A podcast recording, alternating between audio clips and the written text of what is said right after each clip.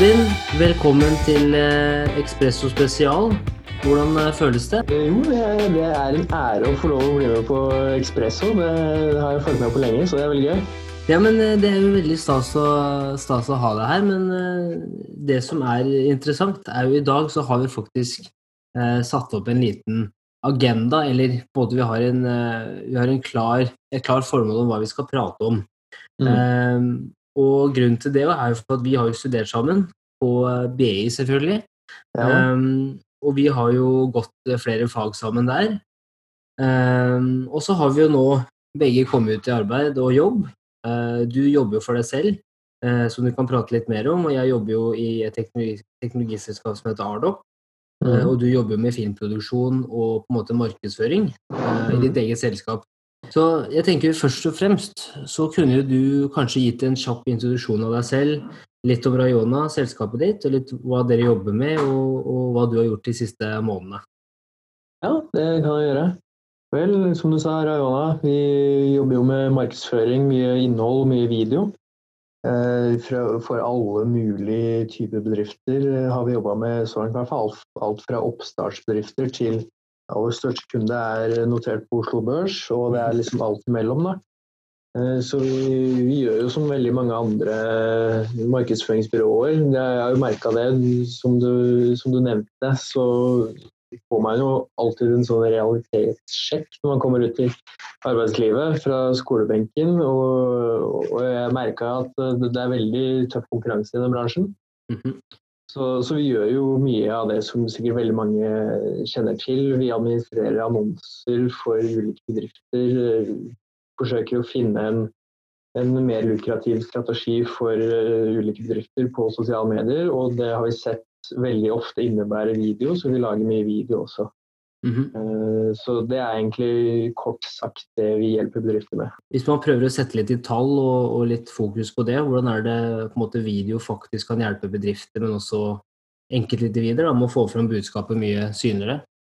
Altså, det er jo på en måte to ting, sånn jeg ser det i hvert fall. Da. Det er én, hvis du ser på algoritmer og liksom tekniske tall på, på alle sosiale medier, så eh, vil ofte video bli foretrukket fordi det, det holder brukerne på plattformen lenger. Og det, det har altså, Ta f.eks. LinkedIn. Hvis brukerne er på LinkedIn eh, lenger, så vil eh, de brukerne bli eh, eksponert for flere annonser, og LinkedIn vil da få større omsetning per bruker.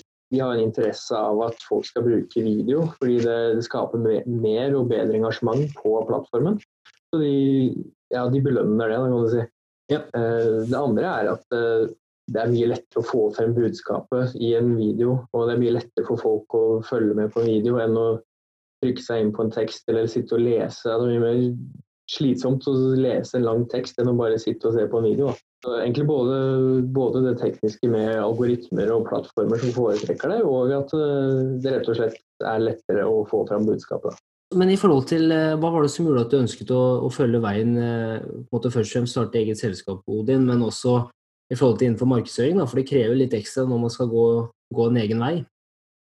Jo, eh, morsomt at du spør. Jeg syns ikke egentlig markedsføring var så interessant når vi lærte om det på, på skolen. Som du nevnte, vi studerte jo sammen. Det starta egentlig i et kurs som vi hadde som het Oppstart av bedrift på skolen. Der vi skulle, skulle starte en bedrift, rett og slett. Og et par kompiser og meg vi starta en nettbutikk, solgte sko.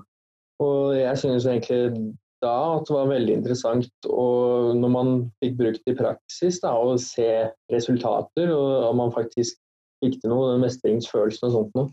Så, så vi kjørte annonser og lagde litt innhold og ja, solgte rett og slett eh, de skoene bare gjennom sosiale medier. Nå har det vel snart uh, drevet det selskapet i to år? Nærmer det seg, er det ikke det?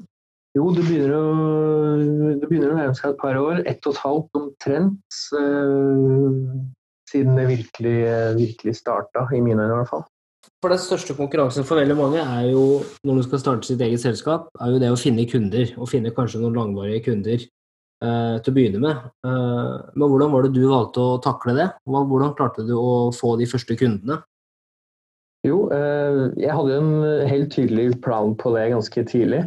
Det betyr ikke at det var lett for det, men, men planen var å gjøre det enten gratis eller veldig billig helt i starten, i kanskje et halvt år, da, for å få typ proof of concept, som man gjerne sier.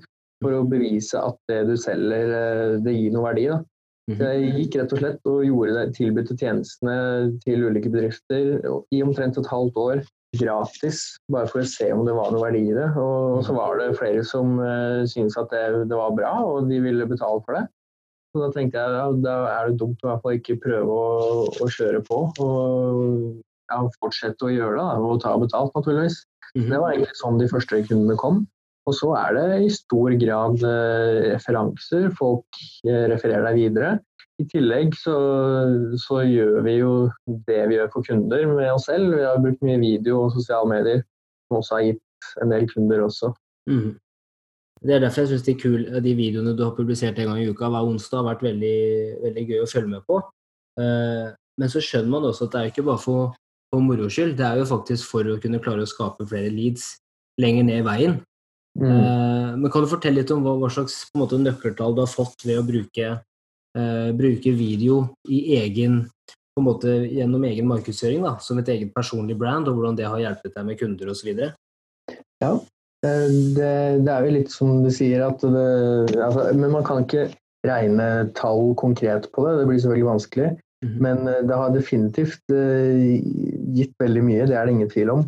det er jo Én ting er at det gir flere lead, som du sa, og til slutt kunder, har det også gitt.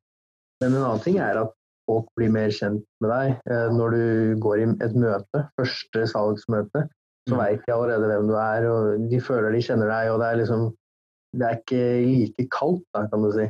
Nei. Eh, så én ting er at det genererer flere kunder, en annen, en annen ting er at det gjerne gjør de salgsmøtene enklere. Mm -hmm. Så, så, for oss har det jo faktisk uh, gitt de største kundene er gjerne gjennom LinkedIn, faktisk. Mm. Så, men det er, ikke, det er, ikke, noe man kan forutse. Jeg husker jeg satt meg ned og tenkte at jeg skal i hvert fall legge ut en video i uka i et år før jeg kan avgjøre om det, her, om det er noe i det eller ikke. Mm. For jeg syns det er kjempeinteressant, det, for det er jo sett flere selskaper som begynner å liksom skape en slags sånn storytelling mm. uh, på sosiale medier, noe jeg, synes, jeg finner kjempeinteressant. Og, uh, men det er jo også hovedsakelig for markedsføringsselskaper. Tror du det kunne vært nyttig for andre typer selskaper å gjøre det her, og anvende mer, måte, mer video- og storytelling-perspektiv for å kunne klare å skape tilstedeværelse og, og mer interesse for, fra sine kunder, sin målgruppe? Definitivt. Eh, jeg har også selvfølgelig sett det er mange markedsføringsbyråer som gjør det. Og det springer kanskje ut fra Gary Vaynerchuk, som har pusha det veldig hardt. Mm. Teorien om å dokumentere alt man gjør, og legge ut det. Eh, men jeg tror utfordringa er jo at når vi får kunder på det, så er det på videoproduksjon. Så de ser jo at vi klarer å lage video, så de, så de har lyst til å kjøpe tjenester av oss. da for ja, si Ardoc, da, som du jobber i, som er et teknologiselskap. Eh, og det er nok kanskje litt vanskeligere. Det er en større utfordring, fordi vi tilbyr jo videoproduksjon f.eks. Det er veldig lett å se det når vi lager de videoene. Og ja, man ser der at ok, de klarer å lage video, da uh, Det er noe vi kan kjøpe av de. Uh, mm. Men å se en video fra Ardoc f.eks., yeah. uh, så er det ikke like lett å forstå hva dere gjør. da. Så det blir litt men eh, og kanskje krever enda mer ressurser, fordi det er ikke sikkert dere har det in-house heller. Mm -hmm. Men uh, altså folk som kan gjøre det, da. Uh, men, men, definitivt vil jeg absolutt si at vi har snakka med mange kunder om det også. Og gjort det med flere. Laga videoserier. Og det, det, har ofte gitt veldig gode resultater. Det er noe som kanskje flere selskapet bør tenke på, men også enkeltindivider, er litt i forhold til det med å, som jeg snakka om tidligere på Ekspresso, men det å se på seg selv som en merkevare. Og mm. promotere seg selv som en merkevare også, som du skulle vært et selskap. På en måte mm. hvor du har en, du har en egen strategi eh, for ditt eget liv. ikke sant? Du har ulike typer strategier. Du har et ønske om hvor du er i dag, hvor du skal hen, og hvordan du skal komme deg dit. Eh, mm. Men også fra et branding-perspektiv. da. Så i forhold til det å se på seg selv som et selskap og liksom legge ut videoer, da, legge ut innhold som er med å fortelle en historie. Eh, mm. Hvordan har det vært for deg, eller den overgangen der? Nå skal du begynne å legge ut videoer og, og liksom tørre å, å, legge ut det innholdet, da? Det er, det er jo litt kleint i starten, det er det definitivt. Uten tvil. Men, eh, men ja, man Hvordan var første tagning når du, når du satt der og hadde kamera oppe og du tenkte hva, hva gikk gjennom hodet ditt da? Nei, det var jo Det er vanskelig å huske akkurat hva jeg tenkte, men det var jo Ja, det har, det har vært eh, ganske kleint, ja. Det føles veldig unaturlig å ja, midt i eh, en eller annen sosial setting ta opp et kamera og i møter også var jeg veldig hard på i starten, å filme i møter og, og spørre om man kan ta opp kamera og filme at man har møte. Det er jo, Folk blir jo veldig forskrekka med en gang. så ja, definitivt. Nå må jeg oppføre meg pent, nå kan jeg ikke si noe dumt. Nei, Da kommer ut på YouTube. Ja, så, så det har vært, vært veldig rart, ja. Men uh, man venner jo man venner seg til det. Ja, for nå går det jo som bare rakkeren, ser det ut som. Når, og på en måte det er en veldig bra rød tråd gjennom alle videoene òg. For det er det jeg syns er ganske kult, da, at eh, etter hvert som du sier, eh, både for, i forhold til hvordan selskapet kan bli kjent med, med, deg, det første møtet går mye lettere, da. Men så tror jeg også, uansett om man jobber for seg selv eller man jobber for noen andre, så tror jeg den, eh, den delen med brand, da, personlig brand, jeg tror den blir, blir kanskje bare mer og mer viktig mm. for å kunne skille seg ut på arbeidsmarkedet også. Mm. Eh, for å sørge for at man har en kanskje en større rekkevidde, uansett hva man skal gjøre. da. Mener jeg i hvert fall. Jeg tror det kan være Helt enig. Så, uansett, hvis, hvis, du har et stort nettverk og folk kjenner til deg, så ja, da, da, er det ikke lang vei for å strekke en hånd ut og hjelpe hverandre, liksom. Det bringer jo oss, uh, apropos det å strekke hånda ut og hjelpe til, det bringer jo oss over til på en måte det som jeg tenker også er litt interessant. Da. Det er jo det er to ting i dag i forhold til det med, med skolen versus uh, på en måte arbeidslivet. Um, og alle de tingene vi ikke lærer på, på, skolebenken som du definitivt møter, men kanskje også de tingene du lærer på skolebenken som, som, ikke du lærer i det hele tatt i arbeidslivet, eller som du ikke kommer til å komme over i det hele tatt. Um, mm. Og så er det det andre også, i forhold til det med å strekke hendene ut og, og virkelig støtte folk som er på vei opp og fram. Da. Det syns jeg er veldig interessant. Og så tenker jeg på en måte resten av den episoden her nå, at vi prater litt om hva, liksom, hva, hva, vil du si er det første eh, eller noe av de, de, største læringene du har lært etter du kom, inn, eh, kom ut i arbeidslivet, og særlig når du skulle starte noe eget? Eh, man hører jo ofte at nettverk er noe av det viktigste, da. men kanskje i forlengelsen av det, da, og ja, også gjøre noe for andre, gå og hjelpe folk, bli kjent med folk, snakke med folk, Eh, den type ting, som eh, ikke har så mye med eh, hvor gode karakterer du har fra skolen å gjøre. Mm -hmm. ja. ja hvordan har du sett det i praksis? Det er jo litt sånn altså Nå jobber jeg B2B stort sett, så da, da er det kanskje enda mer forsterka. Men det er jo relasjoner, basically. Det er jo i hvert fall sånn i Norge at uh, det er veldig, veldig kort vei fra, fra, deg, uansett hvem du er, til hvem som helst, egentlig. Mm. Uh, og veldig ofte når du snakker med en person som er altså en helt tilfeldig person, så har den personen gjerne en connection som, i nettverket sitt som du syns er interessant. ikke sant? Enten det er du fikk jobb, eller det kunne vært en samarbeidspartner eller kunde, eller hva det måtte være. Eh, og altså, Snakker du sammen med noen, blir du kjent med noen, så, så, har de noen i nettverket sitt som, eh, som, du gjerne vil bli kjent med. Så Det er veldig få steg da, mellom alle sammen. Du kan sikkert komme i kontakt med alle de øverste lederne i, norsk næringsliv med veldig få steg da, fra mm. nettverket ditt. Så ja, Når man jobber med relasjonsmarkedsføring, kan man si, altså, så det jo, blir jo det enda mer forsterka. Det skjer ikke at de spør etter karakterene dine. altså De merker hvem du er, da. deg som person. Eh, det er kanskje det viktigste.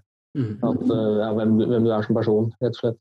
Men det, det, er to ting der. da. Det første er jo i forhold til det å, å på en måte bruke nettverket. Tørre mm. å, å, og, faktisk spørre nettverket sitt om råd og, og anbefalinger osv. Så, videre. så det er det første. Eh, mm. Og norsk kultur er jo litt sånn tilbaketrukket. Man, det er ikke mm. alle som tør å, å, på en måte faktisk ta det steget frem og spørre. Da. Og Det er det første, men så er det nummer to òg. Jeg vet jo at du har jo fått muligheten til å skulle ta en prat med Rune Bjerke, mm. eh, tidligere, tidligere, sjef i DNB. Mm. Eh, og det er også et veldig godt eksempel på at det er kort vei til toppen. Uh, du kan jo begynne med det første, og det er i forhold til måte, hvordan, hvordan, bør man nå ut? La oss si det er noen i nettverket, eller det er noen du faktisk ønsker å ta en prat med. Det kommer selvfølgelig veldig an på i forhold til hva slags situasjon det er, men hva er litt dine erfaringer rundt, eh, rundt det? Rett og slett mm, veldig enkelt det jeg har erfart, er om du spør noen om å sette deg ned og ta en prat, og bare stille dem noen spørsmål, høre, høre deres historie, eller ja, hvordan de kom dit de er i dag, hva de har jobbet, jobbet med, Eh, hvis du sier det er, eh, det er interessant det du driver med, syns jeg, og kan ikke vi prate litt om det eller det. Så jeg tror aldri jeg har fått et nei på det, uansett hvem jeg har spurt. Så folk er stort sett interessert i å høre nei og fortelle om mine sine egne erfaringer. Mm. Og hvis noen er villig til å høre, så setter de seg gjerne ned. Så det er min erfaring. Og, altså, ha den tilnærmingen og bare spørre om man kan sette seg ned og ta en prat, så, så får du stort sett ja. Altså. I forhold til det med, med Rune Bjerke, hvordan er det du kom i kontakt med han? Det, jo, det var veldig tilfeldig. Det er forresten for de som uh, hører på. Da. Uh, jeg driver og skal spille en egen podkast. Det har selvfølgelig blitt satt på vent uh, med tanke på korona. men vi starter innspillinga til uka nå snart. Hva skal den hete? Er det Rayona Podcast? Jeg regner med den bare heter Rayona, så kjører vi Rayona på alt. ja. Så er det lett å finne. Eh, men ja, eh, så Rune Bjerke han eh, møtte jeg i Bokstadveien, rett og slett. Han kom ut av Tanum bokhandel, og så tenkte jeg ja, hva har du å tape på å i hvert fall spørre om å ta en prat? Så du stoppa han etter han har vært i bokhandelen? Det er jo, jeg synes det er, helt, det er jo kjempebra. Ja, så jeg spurte bare jeg, skal lage en podkast, blir satt på vent nå, men kan jeg sende en mail med litt mer informasjon? Og Altså, det vært interessant. Og så jeg, forklarte jeg litt mer dypere hva, hva, jeg hadde lyst til å snakke med han om. Men eh, kort sagt så, så, var det sånn jeg gjorde det. Og han sa ja, kult. Han ga meg mailen og ja. Nei, det der er jo kjempekult, men jo, jeg, jeg, ser jo det for meg da, i bokstaven. Her, her, her, kommer Mr. Bjerke. Han har kjøpt, vært inne på butikken, kjøpt seg et par bøker. Ønsker ikke å bli forstyrra etter at han gikk av som leder i DNB. Nå skal man ta det litt cool. og så kommer en, en unggutt der og bare stopper den og sier hei, unnskyld, jeg skal starte en podkast. Det, det, er jo ikke alle som hadde gjort det. Nei, jeg skal være ærlig. Jeg sto, eh, sto og tenkte litt. Bare, skal jeg gjøre det? Er det litt rart å gjøre det, eller jeg, er det bare å gjøre det, liksom? Men selv om det ikke burde være eh, rart, selv om det ikke burde være skummelt å gjøre det. Men eh, ja, som du nevnte, vi nordmenn er litt sånn tilbaketrukne. Men ja. Tidligere år så har jeg jo vært så heldig å få lov til å møte utrolig mange flinke folk som har eh, hva skal man si, en lang karriere å se tilbake, se, se tilbake på. da.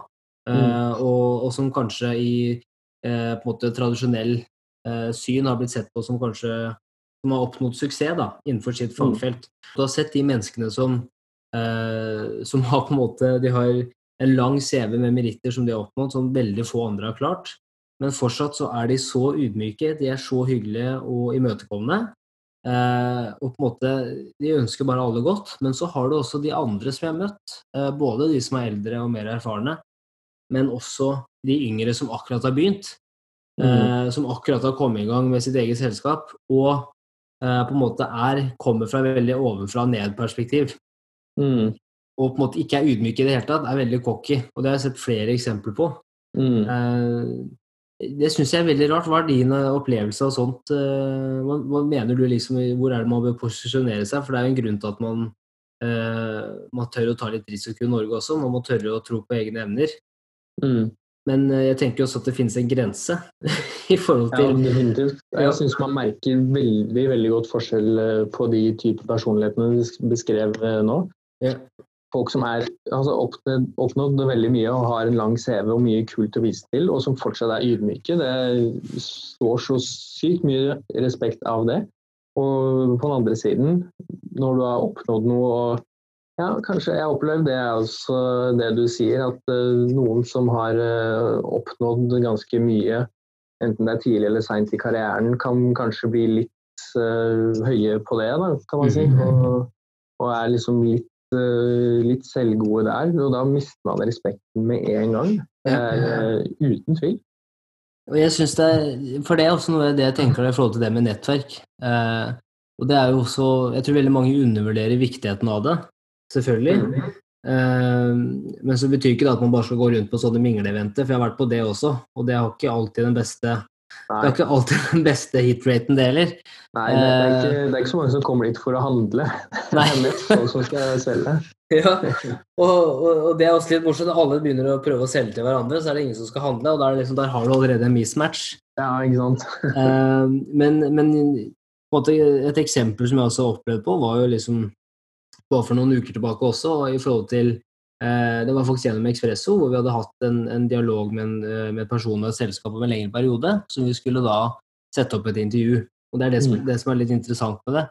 Uh, er jo at uh, på en måte den personen hadde da Trenger ikke å nevne navn, uh, men de, de, har jo hatt et selskap som nå har vært nærmere to år, de også. Mm og på en måte gjort det Jeg vil si de har gjort det veldig bra, og de har definitivt hatt veldig stor friksjon og fått ganske godt fotfeste i, i, markedet, i hvert fall på en sosial arena, så det har vært veldig vanskelig å ikke se det gjennom LinkedIn osv. Men da var det litt annen opplevelse som jeg fikk, i hvert fall, og, og hvor man plutselig skulle man, man, når ut til dem og sier at dere har en utrolig interessant historie eh, som vi ønsker å lære mer av, som vi også ønsker å kommunisere ut. Um, og da var det selvfølgelig det å skulle prate med assistenten eh, ja. til, til, denne personen, eller CEO-en, da. Det er vel det vi må mm. si eh, når man har eget selskap. Hvis, eh, la oss si, Rune Bjerke, Erna Solberg, Trond River Knutsen De som har eh, på en måte De forvalter eh, flere milliarder. Eh, de har et selskap med, med flere tusen ansatte. ikke sant? E-, mm. Eksempler på dette, da. Og mm de stopper opp, sjekker sin egen kalender, booker det inn selv. Altså enkelt og greit, ikke noe hokus pokus. Ja, og enda viktigere, selv om de ikke har peiling på hvem denne lille guttevalpen på noen og tjue er, mm. som eh, de tenker sikkert at denne personen er sannsynlig Altså, jeg aner ikke hvem det er, og sannsynligvis så kommer ikke eh, den personen til å hjelpe meg noe videre, men fordi jeg aner ikke hvem du er i det hele tatt, aner ikke bakgrunnen din eller hva du gjør eller noen ting, men de, som du sier, de stopper opp og sjekker kalenderen og tar seg tid uansett. Da har du på en måte de her som, som stopper opp, de tar seg tid. Eh, de veit at det er på en måte ikke de som får mest mulig ut av dette intervjuet, men kan, kan hende at de fortsatt også tenker at man kan lære noe av alle. Mm. Eh, men så har du de som er på vår alder, som akkurat har begynt, eh, og på en måte De har hatt litt flaks, eller har hatt litt medhold tidlig i karrieren, Um, og bare, la oss si også at et år ikke sant, at det er, det er et maraton, det er ikke noe sprint. Mm. Uh, så det å tro at uh, du har nådd toppen av verden på år én, da har du misforstått allerede. På mange måter, mm. vil jeg tro. Og bare se den forskjellen mellom hvordan eh, man brenner broer, da. Det er vel egentlig det man kan si. At man, man skaper et utrolig dårlig inntrykk. Og vi begge vet jo at et førsteinntrykk eller et, et, et godt Eh, et renommé, da, hvor man hører gode ord om, om den personen eller det selskapet, da, det, det, det, kreves litt. Det må jobbes med for å bygge opp, men det kan mm. bli revet vekk på et par sekunder. Um, og det er noe som jeg har sett flere og flere eksempler på også, som jeg syns er Det er litt det i forhold til uh, det å skulle være ydmyk, men, men fortsatt uh, tenke å ha tro på egne evner, da. Mm. Definitivt. Jeg har også vært borti noen sånne eksempler. Det hører jo heller til sjeldenhetene ja. uh, når du møter de, men, uh, men, ja, jeg er helt enig. Uh, vi skal også være litt ydmyke. Vi er jo bare et par år inn i arbeidslivet selv, men det er definitivt mitt inntrykk også at det å, ja, det å, hjelpe andre og ha en positiv holdning, uansett hvilken CV du har, det, det er det riktige. Jeg er helt enig. Helt enig slags flere ting er det du ikke har lært i, gjennom utdanningsløpet, som du ser kommer igjen og igjen i arbeidslivet? da? Jeg har jo inntrykk av at veldig mye man gjør i arbeidslivet, det, det har ikke kommet inn i skolebøkene ennå, i hvert fall. Mm -hmm. Så, altså, det er jo det vi har snakka om nå da, så langt, det er jo én ting med å være ydmyk og personlige egenskaper. Sånn. Det er jo så litt vanskelig å lære på skolebenken. Men uh, ja, la meg spørre deg, da, hvilke verktøy du bruker uh, til daglig på jobb. Uh, er det noe du lærte på skolebenken? Nei, er, jeg må innrømme at det er svært lite. altså. Det er veldig ja. lite. Så Det er jo litt det, og det er, det er, en utfordring som også har vært interessant å snakke med noen eh, litt mer erfarne om fra, fra en eller annen utdanningsinstitusjon. At uh, ja, ting utvikler seg jo veldig fort. Da. Og hvordan skal disse store organisasjonene, hvordan skal BI og universiteter og ditt og datt klare å henge med i utviklingen eh, kunne være relevante hele veien. Da. Det, mm. blir vanskeligere og vanskeligere, og ting utvikler seg kjappere og kjappere. For å svare på spørsmålet ditt, er eh, alle verktøy man stort sett bruker eh, til daglig på jobb, de, de lærer man ikke på skolen. Da. Nei. Ja, det er det, det er det, jeg finner veldig utfordrende. og jeg tror de egenskapene, de verktøyene man burde ha i dag, er jo, uh, i hvert fall ut fra min egen erfaring, eh, i forhold til det med kritisk tenkning, først og fremst at du er bombardert med informasjon på nettet. Det å du mm. klare da å, å, skille mellom hva som er bra informasjon, hva som er dårlig informasjon. Uh, det tenker jeg burde komme inn allerede på barneskolen, for å være helt ærlig. Mm. Du ser jo veldig mange yngre, sånn som niesa mi, hun er, seks år, har fått sin egen iPhone, og nå fikk hun iPad til bursdag, så du skjønner jo altså det, er litt, det er der det begynner, da. Um, mm. Så det er jo det første, men også i forhold til det hvordan man jobber i team. Uh, på en måte, ja, som sagt, kritisk tenkning ikke bare til samfunnet, men hva som blir sagt i mediene osv., men også i forhold til på en arbeidsplass. Da. Det å skulle stille store krav, og det gjør jo vår generasjon eh, mye mer enn tidligere generasjoner også. Mm. Um, og så er det definitivt det i forhold til uh, evnen til å omstille seg raskt. Da. Jeg tror at vi må omstille oss mye raskere enn det uh, kanskje våre foreldre måtte gjøre. Mm. Og generasjonen mellom der. Hvordan har det vært for deg i forhold til hvert fall, Du kjenner jo på dette mye mer med tanke på at du har et eget selskap og setter i gang en idé til beslutning. Hvordan, mm. hvordan, føler du at du har måttet endre det allerede? Ja, eh, Godt spørsmål. Det er vel eh, I starten så tenker man ofte at man eh, klarer mer enn det man egentlig gjør. Eh, som vi nevnte, man er, kommer ut i arbeidslivet, har aldri jobba fulltid før engang.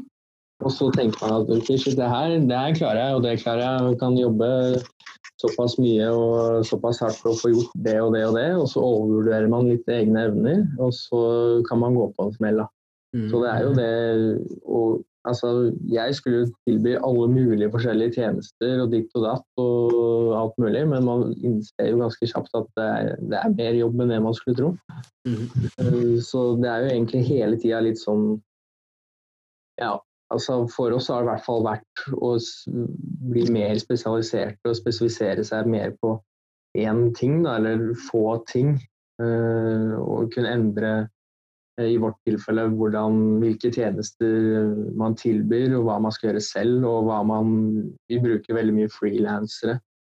Uh, og da være helt konkret på at liksom du får kanskje en forespørsel om, om, å gjøre noe, og så kan du ta deg betalt for det. og Da er det vanskelig å si nei, fordi det er ikke det jeg skal gjøre.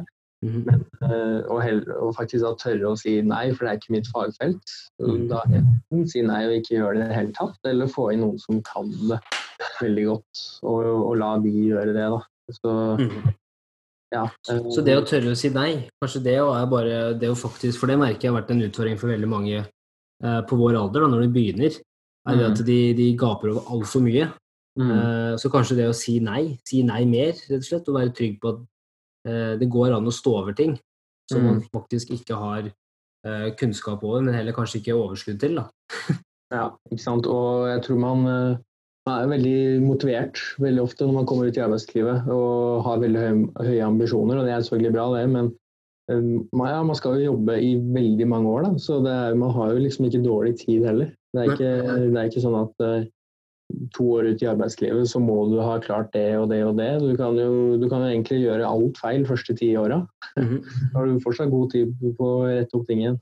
Og Det bringer oss litt til faktisk et veldig bra poeng, da, men i, i, forhold til det med å være motivert på en måte ha ambisjoner og sette det i praksis. Jeg bare kom på det nå, men i, i forhold til deg, hva, hva, er liksom eh, hva er suksess for deg? Og hvordan ser en bra uke ut for deg og hverdag?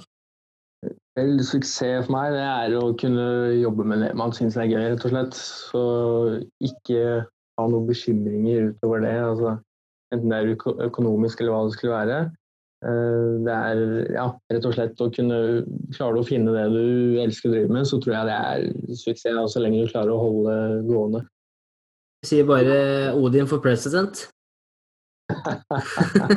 hvordan, hvordan, ser det ut videre nå for dere i, i Rayona? Og jeg vet jo også, ikke sant, når man jobber eh, som har startet noe for seg selv, og jeg kan i hvert fall tenke det gjennom korona de siste månedene. Vi prata jo f.eks. med Ola Rosenlund, som vi også studerte med, og en annen kompis av meg, Sondre, og, de har jobba også i det kreative yrket. Mm. Hvordan var det for dere, når på en måte det her traff, traff taket? Korona, ja. Eh, ja, det, vi er jo definitivt påvirka av korona, uten tvil. Eh, så, men der også blir vi redda litt av at vi er såpass små. Da. Vi har jo ikke de store, enorme faste kostnadene. Så når inntekten eh, kuttes, så er det jo først og fremst lønna som kuttes. Så det, ja, man klarer seg med mindre lønn, liksom. Mm. Så vi har ikke de helt store faste kostnadene. Altså, sånn sett ganske heldige, egentlig. Så, så, vi har klart oss eh, greit gjennom korona. Nå går det eh, bedre enn det det gjorde for en måned siden. Så det ser ut som det, det, går oppover og fremover, så det er jo godt å se. Så får vi se hva som skjer, da. Det er jo umulig å vite. Er det noen ting du har lært, sånn både personlig, men også Rayona som et selskap, da, gjennom den tida her nå, hvor det har vært mer usikre tider? Det må jeg tenke litt over, faktisk. det skal du få lov til. Men jeg, jeg, tenkte jo på det litt framover. da. Det er jo veldig usikkert når man driver for seg selv, selvfølgelig. Og, og i hvert fall også i forhold til den overgangen fra, fra å være student ut i arbeidslivet. Sånn som jeg jobber i Ardoc, så det er jo selvfølgelig når, når du er en ansatt, så, så er jo uh, det er litt lettere å, å spå framtida, på en måte. Uh, men hva, hva, ser du for deg eh, i forhold til eh, videre valg med Rayona? Er det noen spesifikke ting, spesifikke selskaper dere ønsker å jobbe med? Noe dere ønsker å satse mer på? Jeg ønsker å satse mer på altså vi, vi, har lagd mye innhold, men å satse mer på selve distribusjonen, eller hva man skal kalle det, annonsemarkedsføring. Litt mer analytisk. Altså man har jo alltid sånne buzzwords som big data og sånt nå. Eh, jeg syns selv det er veldig interessant å jobbe med store data, datamengder og kunne liksom ta noen beslutninger på grunnlag av det. Da. Det vet jeg også Ardok jobber med. Det er data som er grunnlaget for gode beslutninger veldig ofte. Mm -hmm. Og det er det jo også i markedsføring, så å kunne utnytte det enda mer. Og, men det er, det er vanskelig å tilby den type tjenester for kunder. For det, er, det blir veldig svevende, det er vanskelig å konkretisere det. Mm. Men uh, gå mer og mer i den retningen, at man uh, kan basere mer på analyse for å få fram et budskap og ta riktige beslutninger og sånt noe.